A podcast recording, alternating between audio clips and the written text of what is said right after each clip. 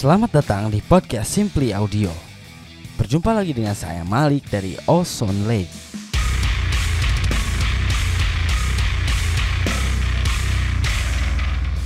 Pada kesempatan kali ini, kita akan membahas mengenai audio kompresor sebagai salah satu prosesor yang sangat penting dalam pemrosesan audio. Agar teman-teman dapat menggunakan audio kompresor dengan baik, maka teman-teman perlu memahami mengenai pengertian dan fungsi kompresor, parameter apa saja yang ada dalam kompresor, serta bagaimana cara mengatur parameter-parameter tersebut yang akan kita uraikan dalam kesempatan kali ini. Mari kita mulai dengan apa itu kompresor audio dan apa fungsinya. Kompresor adalah alat atau prosesor yang dikategorikan sebagai dynamic processor atau orang biasa menyebut dengan dynamic effect. Biasanya kompresor digunakan sebagai efek pada insert mixer untuk memproses signal audio yang masuk pada channel tersebut. Selanjutnya, mari kita bahas fungsi dari kompresor itu sendiri. Kompresor bisa dikatakan sebagai salah satu alat paling penting dalam proses rekaman dan mixing yang digunakan hampir di seluruh studio rekaman di dunia.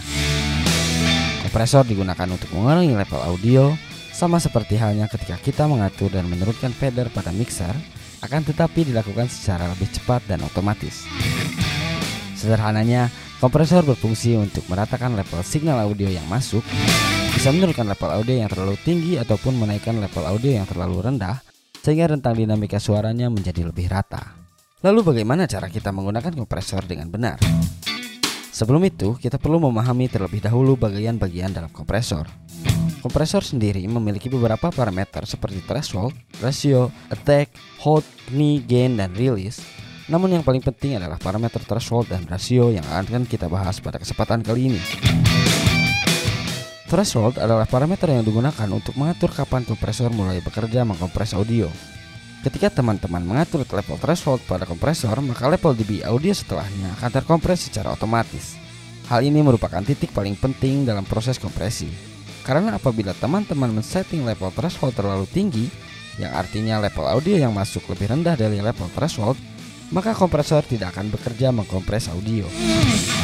Kemudian, seberapa besar kompresi yang dilakukan kepada signal audio yang masuk ke dalam proses kompresi setelah melewati level threshold ditentukan oleh parameter rasio. Parameter rasio ini dinyatakan dalam perbandingan.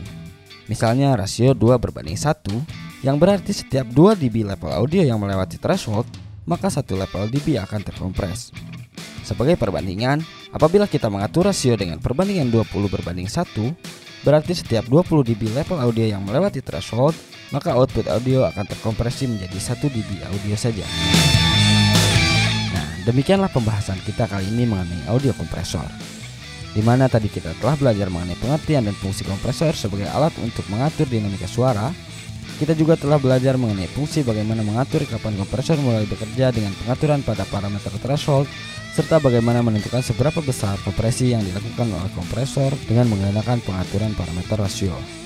Semoga setelah menyimak podcast ini teman-teman dapat menggunakan kompresor dengan baik sebagaimana fungsi kompresor yang semestinya. Demikian, saya Malik undur diri. Selamat memulai kompresi teman-teman. Sampai jumpa.